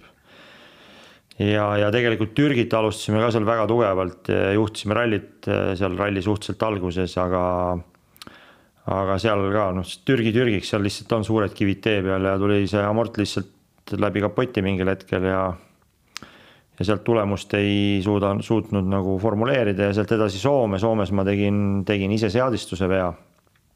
ei kuulanud inseneri ja läksin liiga pehme autoga ja tulime küll esimesse servisesse reedese päeva keskel tulime kolmandana, aga sealt läksid katsed õhtupoole muutusid ja, ja järgmisel päeval ka olid siuksed legendaarsed katsed nagu Ounipohja ja selle pehme pilliga mis suunamuutustel oli üliaeglane, siis ei läinud mitte kuhugi ja. ja tegelikult Kataloonia tuli ka ülihästi, võitlesime Petteriga seal viienda koha peale, aga jälle totakas viga seal natuke ühes kuuris lõikamine ja vedrustuse puruminemine, et. ma julgeks öelda, et tegelikult oli äge aasta äh,. isegi tagantjärgi võib öelda, ma olen nagu uhke enda üle, et, et sai selliseid, sain lõpuks viis või noh, Kuldariga saime viis katsevõitu ja ja, ja ka Jordaania rallil ei olnud kaugel sellest, et oleks võinud olla poodiumil. aga kurja küll ikkagi ära ei vormistanud ja, ja, ja sealt tuli, tuli nagu see, see masu ühtepidi peale, aga hambad ristis läksime ikkagi nagu ka seda M-spordi diili tegema ja, ja sellega ära tegime. ja aga no see väga lühikeseks, kaks rallit sai sõita noh, siis oli selge, et tegelikult me tegime diili kaks tuhat kaheksa aasta lõpus ära ja, ja lootuses, et see majanduskriis ei tule, ei tule nii hull, nagu ta tuli. ja noh, siis kui me kaks tuhat üheksa aasta alguses ka seal Oliveri ja Margusega istusime maas, siis inimestel olid reaalsed küsimused, et eh, mitusada inimest nad vallandavad, eh, mitte see küsimus, et eh, kas me rallit edasi sõidame ja samas oli Malcolmiga oli, oli diil lukus ja, ja noh, siis, siis tuli veel üks mees appi, Toomas Annus, kes tegelikult aitas aitas lisaks olemasolevate toetajate eh, toele veel see kaks sõitu kuidagi ära lahendada, et me noh, päris kivi alla ei peaks minema. aga sa ise ka teadsid sel ajal, et siit nagu midagi enam tegelikult ei tule, eks ole, et see oli päris eh, ütleme, ka need kaks sõitu olid eh, ilmselt nagu ütleme, emotsionaalselt keerulised. ja ütleme Iiri ralli, mis oli nagu pull, et nagu täielikus mustas masenduses läksin Iiri rallile aga noh, ikkagi hambad ristis äh, proovisime Kuldariga anda seda, mida me suudame anda ja, ja tulime siis äh, reedesesse servisesse esimesena, et. Äh, aga noh, sealt nagu väga, seal tegelikult mentaalset tausta ja seda ei olnud, et seal see asi läks, läks üsna, üsna peaga siis juba peale siis esimest servist katsele välja ja sinna me jäime ühte kraavi kinni ja auto oli paksult vett täis, nii et.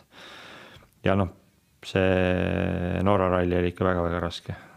et siis me teadsime, et on mitte lõpu algus, vaid lõppude lõpp no tulevik paistis tume siis?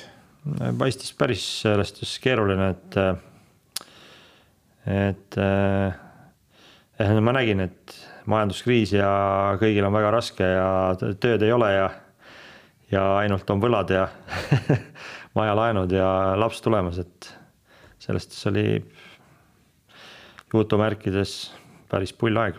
palju võlgu oli siis selleks hetkeks, kui sa niimoodi stepsid, sa ju sõitsid veel ju mingi Honda punniga siin, siin Eestis, Lõuna-Eesti mingit rallit ja käisid ka Soome MM-rallil, et, et noh, see oli päris naljanumber nagu selle kõige kõrval ju. Äh, jaa, see võlg oli sadu tuhandeid ja aga ikkagi jällegi mul olid need minu head, head toetajad, kes väga paljuski, eh, kes siis jäid alles selles raskes olus ja kes aitasid sealt nagu, mingid asjad võtsid päris pikalt aega.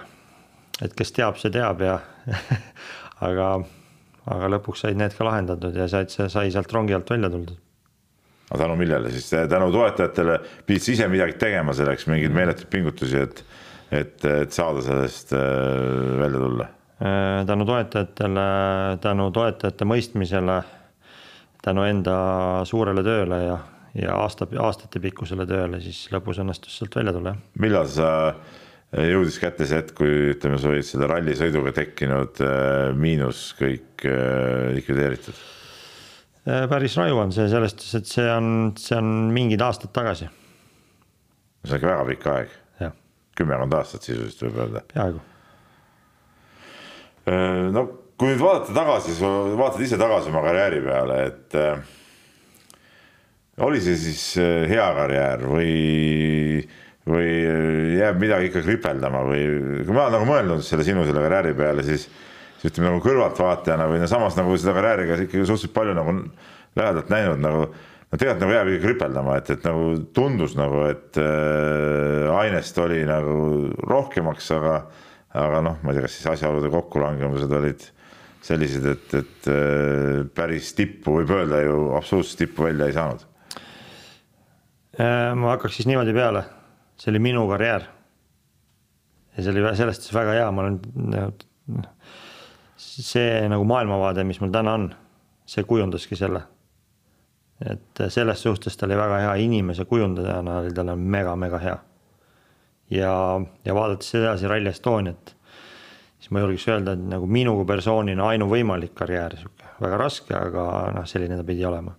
kui nüüd läheme tagasi siis sõitja karjääri juurde, siis mul sellest on nagu maru kahju, et tegelikult see hooaeg ja mida me näitasime Citrooniga, kus me saime ülivähe testida võrreldes Suzuki aegadega, no ikka ülivähe noh, siis selle pealt, et lihtsalt kodus mõelda ennast kõvaks meheks ja teha seda musta tööd, vaadata videosid ja, ja analüüsida mingeid asju.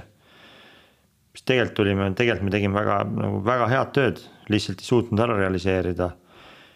ja noh, seda öelda, kus me oleks olnud, kindlasti ma oleks suutnud sõita poodiumikohtadele tulevikus.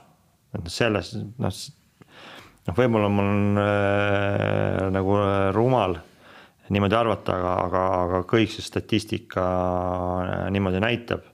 ja noh, mul naine on mega tige mu peale selle pärast ja kindlasti isa ja, ja, ja paljud toetajad ka. aga ma ei näinud lihtsalt mingit võimalust, kuidas nagu majandus paneb kivina alla ja teades, missuguseid ressursse on meil vaja. missugused riskid need on ja, ja mis sai määravaks ilmselt saigi määravaks need nagu ebaõnnestumised kaks tuhat kuus, kaks tuhat seitse, mida ma ütlesin, et mis muutsid mind väga palju. Lihtsalt ei suutnud endale andeks anda, et ma selliseid vigu teen jälle, jälle, jälle, jälle, jälle, jälle. ja lihtsalt nagu mul jooksis juhe kokku lihtsalt, ma ei suutnud enam. et see, et see kaks tuhat kuus, kaks tuhat seitse aasta, ütleme see haav nii-öelda kuskil sisemuses veritses nagu edasi ja. ka siis, kui sa Citrooniga pealtnäha hästi sõitsid ja kõik oli nagu ilus, eks ole. no seal see haavle tegelikult tõmmati kogu aeg lahti, ma tegin, tegin samu vigu. ja, ja noh, lõpuks ka see nagu siis Fordiga see Iirimaa viga, sama loll viga noh. aga mis see siis on siis, kas ütleme äh, siis pingeolukorras äh, ei suuda nagu, ei suutnud nagu siis mingeid asju nagu korrektselt ära teha või või, või, või millest see tuli või, või, või mingist loomusest või oled, noh, sa oled ju nii analüütiline vend nagu sa oled, sa oled miljoneid kordi seda enda peas läbi lasknud. ja seal ongi, sa võid olla analüütiline, aga kiiresti sõitmine on kunst. ja see ei ole matemaatika. rallis kiiresti sõitmine ei ole matemaatika, see on akrobatism ja, ja kui on see flow, siis on flow ja seal peab usaldama. ja ei suuda seal olla nagu stabiilne, et ma ütleks, et ma ei suutnud seal nagu selles flow's olla stabiilne, et ma läksin mingil hetkel ikka natuke eufooriliseks. ja teist küljest siis mingil hetkel jälle väga analüütiliselt ma proovisin nagu matemaatiliselt seda välja mõelda.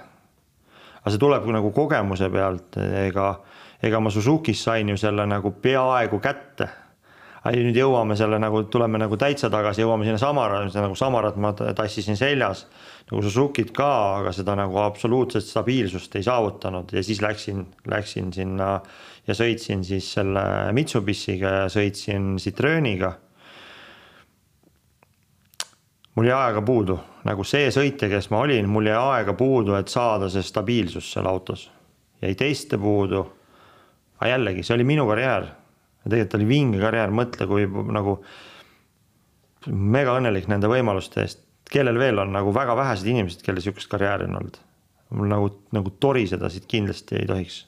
ei, seda muidugi, aga ma ikkagi veel tahaks natuke nagu kaevata nii-öelda hinges ka, et, et, et noh, need hetked, ütleme see Suurbritannia ralli, Korsika ralli, ütleme need Citrooniga seal mingid need juhtimised mis nagu ütleme, määrasid selle karjääri äh, käigu või, või otsustasid selle karjääri. Äh, kui tihti sa neid äh, hetki nagu oma vaimusilmas ütleme ka hiljem nägid või siiani näed või ma ei tea, näed unes mõnikord neid või? unes ei näe, aga elutervelt olen kade.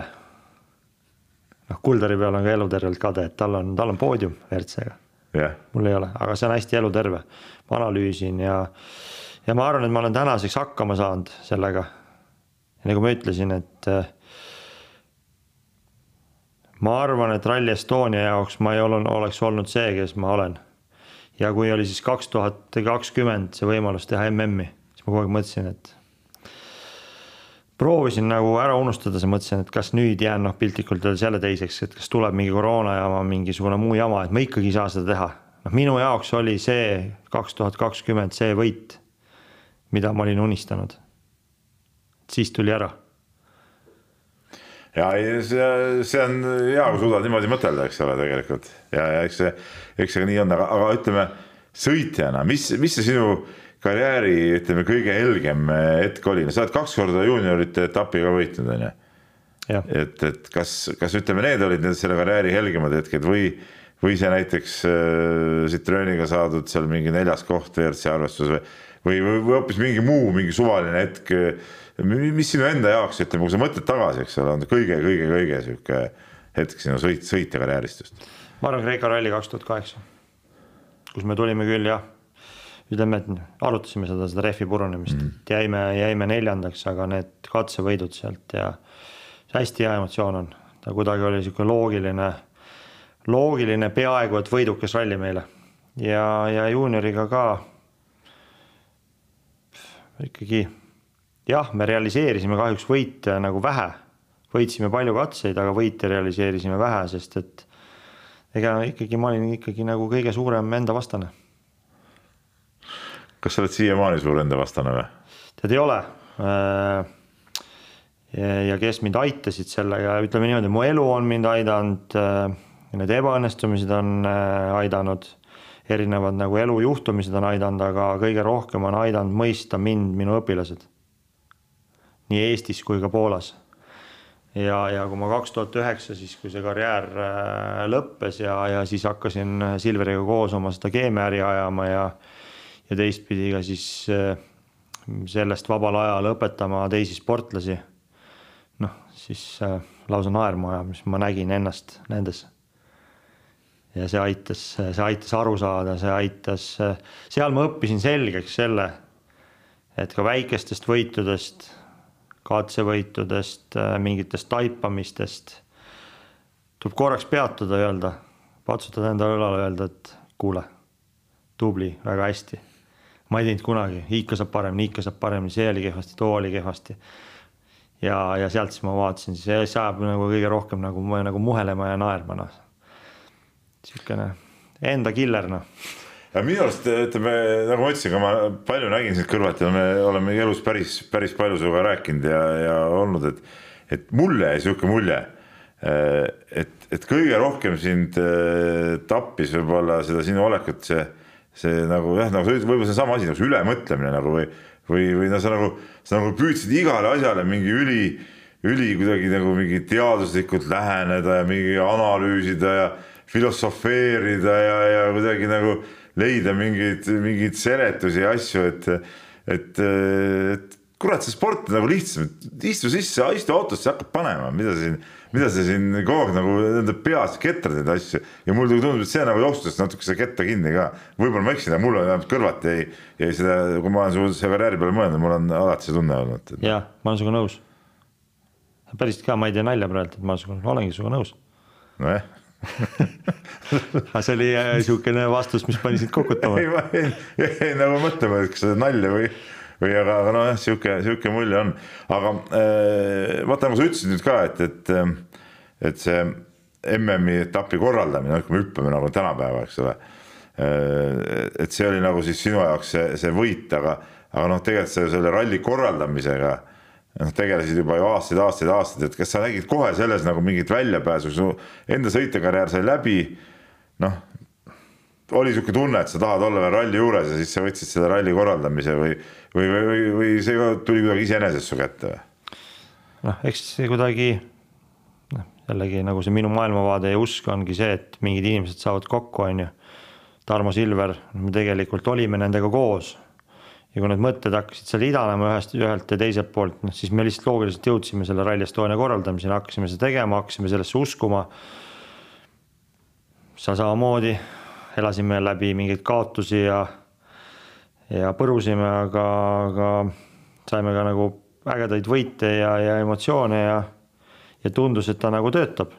ja nagu lõpuks töötaski, kuigi, kuigi see tee oli nagu tagantjärgi öeldes ka nagu meeletult raske nojah, et ütleme alguses äh, mingid jutud, et, äh, et kunagi võiks MM-ralli siit välja kasvada või noh, see tundus nagu üldse nagu mingi noh, see ei olnud nagu realistlik, eks ole, et, et kui, kui lõpuks see mingi EM-ralli nagu tuli siia, siis seegi oli juba nagu sihuke noh, väga-väga-väga kõva sõna, et, et et ma ei tea, kui ise seda korraldada, ise asja sees olla, et, et kas, kas siis ka kõik see tundus nii ebareaalne või, või või, või ütleme, seda protsessi sees olles asjad on tegelikult kõik lihtsamad, kui nad väljapoolt paistavad tead, ma isegi ütlen, et see protsess võib-olla oli keerulisem seespool. sest ega mul ei olnudki ju ühtegi nagu teaduslikult tõestatavat äh, tõendit, et me selle ära teeme. ainult nagu palju usku ja tööd. ja mulle tegelikult kaks tuhat kakskümmend aasta alguses üks väga kõva ralli tegija ütles ka, et Urmo, mis, et kaua te, kaua te neid inimesi lollitate, et noh, see ei ole ju mitte kunagi reaalne. no eks te mõtlesite igast umbluud ju välja ka, vaata tegite siin igast äh, mingeid äh, WRC testrallisid ja, ja siis tulite mingisuguse segase jutuga maailma parima ralli korraldamisest ja nii edasi. no mis see kõik oli sihuke ju tegelikult no mingi udu, eks ole, noh, et, et, et kas seda udu oli nagu enda jaoks nagu tarvis või, või, või, või miks need siuksed, siuksed jutud välja tulid, tead noh Äh, ei, see kindlasti ei olnud udu ja ma arvan, me kedagi ka ei petnud, et me läbi sellise. ma ei öelnud, et te petsite. jah, me, me lõime teed, mida ei olnud olemas. on ju. põhimõtteliselt oli vaja nagu kuule saada, kõik said aru, et kuna nagu meil raketti ei ole, me kuule ei saa, siis me hakkasime kuuletreppi ehitama. aga noh, kuuletreppi ehitada ilmselt kõik saavad aru, et ei saa, aga me ikkagi nagu ehitasime ja kuidagi läbi udu me kuuletreppi ehitasime aga mis sellest äh, maailma parima ralli ideest siis sai, on siis juba maailma parim ralli või? Kuidas ta, kuidas me mõõdame seda? noh, ütle sa siis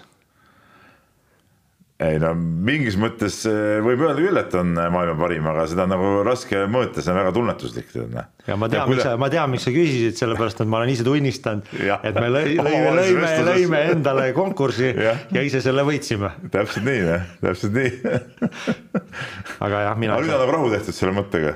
ei noh, absoluutselt, et me nägime, et sellise endale tehtud konkursi tegemine ja selle võitmine ei ole võib-olla kõige mõistlikum tegevus.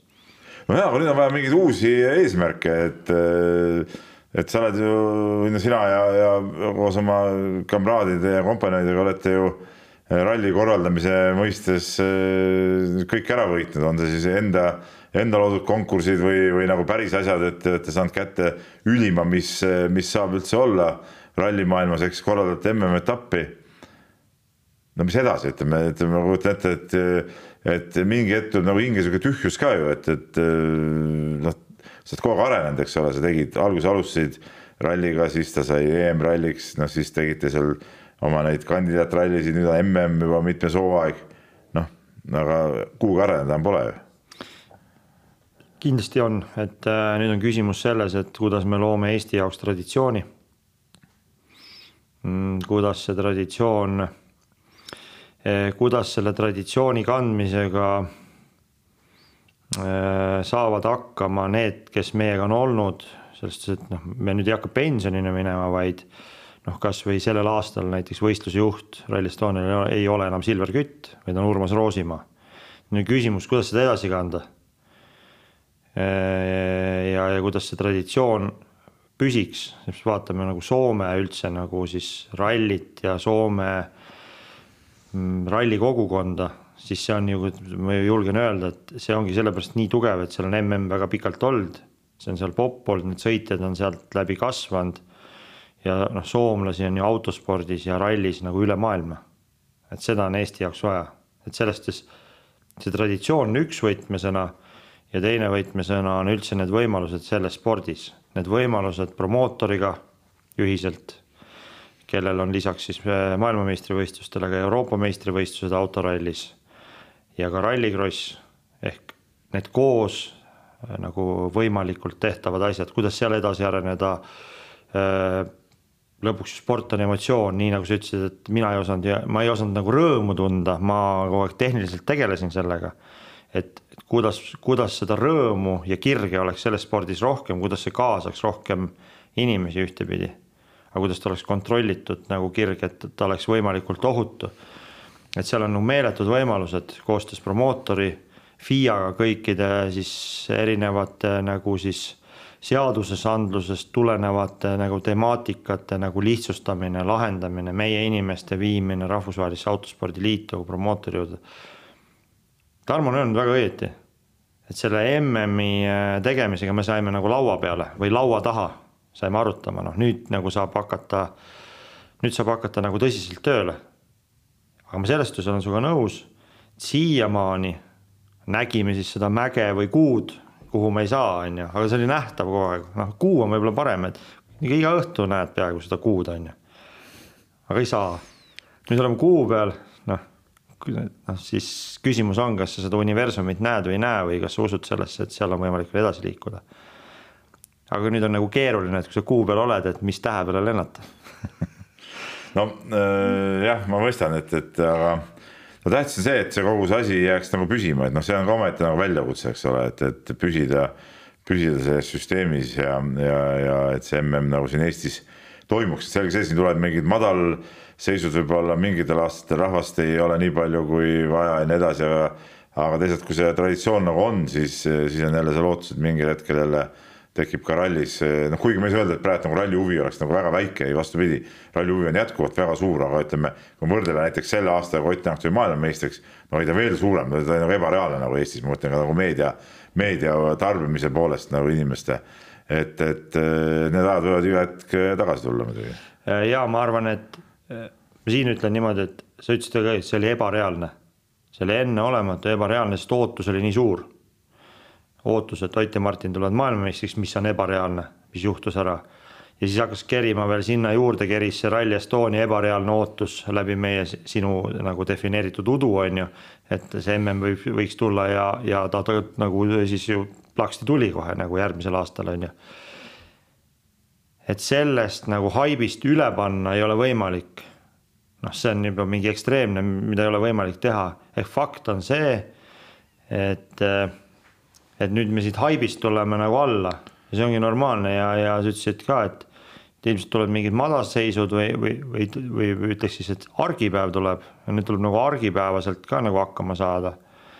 Aga see ei tähenda, et siit ei oleks võimalik minna nagu hoopis nagu veel mingi laiapõhjalisema nagu teema juurde, et noh, mida see ralli puu, nagu siis puudutab nagu majandust, tehnoloogiat, IT-d, autondust ma tean, et siin jälle hakkab nagu haava hakkab nagu segast tõmbama, et megavõimalused noh. ja see on Eesti jaoks on megavõimalused, Eesti spordi, Eesti, Eesti hariduse, Eesti tehnoloogia, Eesti ettevõtete jaoks. Äh, kõik väga õige, aga nüüd äh, äh, mul oleks nagu ettepanek sulle ja su tiimile, et no ärge sealt kuu pealt sinna kuskile universumisse pole mõtet minna, tulge nüüd sealt trepist just alla siia nagu maale ja, ja, ja, ja minge nagu põllu peale tagasi, et tegelikult selleks, et Eestis oleks see ralli oleks nagu jätkuvalt kõva, on ju. siis ma teeks teile küll ettepaneku, et noh, lisaks Rally Estonia muidugi, millega tuleb jätkata ja edasi tegutseda. Äh, võtke, tehke see Eesti ralli värk korda, et tehke nii, et Eestis oleks ka normaalne rallisari nagu Soomes on, et need rallid oleks nagu, nagu kuidagi nagu ühe, ühe mütsi all ägedalt tehtud, meil oleks ägedalt sõitjaid ja, ja et pange sihuke, sihuke normaalne asi käima, et, et, et need ei oleks kõik siuksed üksikuna põlve otsas tehtud asjad, ma arvan, see on päris kõva väljakutse, kui te suudaksite Eestis teha korraliku sarja, kus käiksid ka eh, mujalt eh, päris normaalsed sõitjad sõitmas, nii et, eh, nii et ma arvan, siin võiksite selle asja käsile võtta küll, et. see mõte on sul hea, aga hästi nagu kiiresti rääkides, ise osalesin Rapla rallil. ralli mõttes väga toredalt tehtud, lähme, lähme osaleme ka Paide rallil. Lähme osaleme Võrus, ma arvan, Võru saab olema väga tugev ja noh, Saaremaa ralli, see traditsioon, millest ma sulle rääkisin ja just olen nagu käinud koeraga jalutamas, ka mõtled, et tegelikult saarlased on uskumatult kõvad äh, tegelikult no,. Saaremaa, ütleme, see on nagu. see on nagu omaette nagu riik nagu, ja, ja, siis ma mõtlesin, et see on nagu pull, seal on nagu korraldajad nagu vahetunud. see on nagu mingi asi, mis ei saa jääda toimumata, sellepärast et lihtsalt ta peab toimuma. see ei ole võimalik, et Saaremaa ralli ei toimu. et ma saan aru, mida sa mõtled, aga mis on kihvt, meil on erinevates piirkondades väga tugevad ralli korraldajad, kes teevad tegelikult tehniliselt väga head tööd. ma olen nõus, jah, me saame sinna anda juurde. No sellest tuleks ühe mütsi alla kuidagi tuua või panna see kuidagi noh, kuidagi ühesuguseks teha nagu see asi. ma saan aru, mis sa mõtled. jah, no vot, olgu, ma olen siin pidanud kinni kõvasti rohkem aega, kui me tegelikult ennem kokku leppisime, et ma ei tea, ma loodan, et Rally Estonial mingid asjad ei jäänud korraldamata aga, aga vestlus oli huvitav ja, ja, ja siis mul väga hea meel, et sa leidsid selle aja. nii et ähm, äh, suur tänu sulle tulemast. ja nii ongi, see oli Peep Pahv ja hüpet järjekordne saade ja järgmine kord on siis äh, uued spordialad ja, ja uued teemad. aitäh sulle. Peep Pahvi ajahüpped tõi sinuni Unibet, mängijatelt mängijatele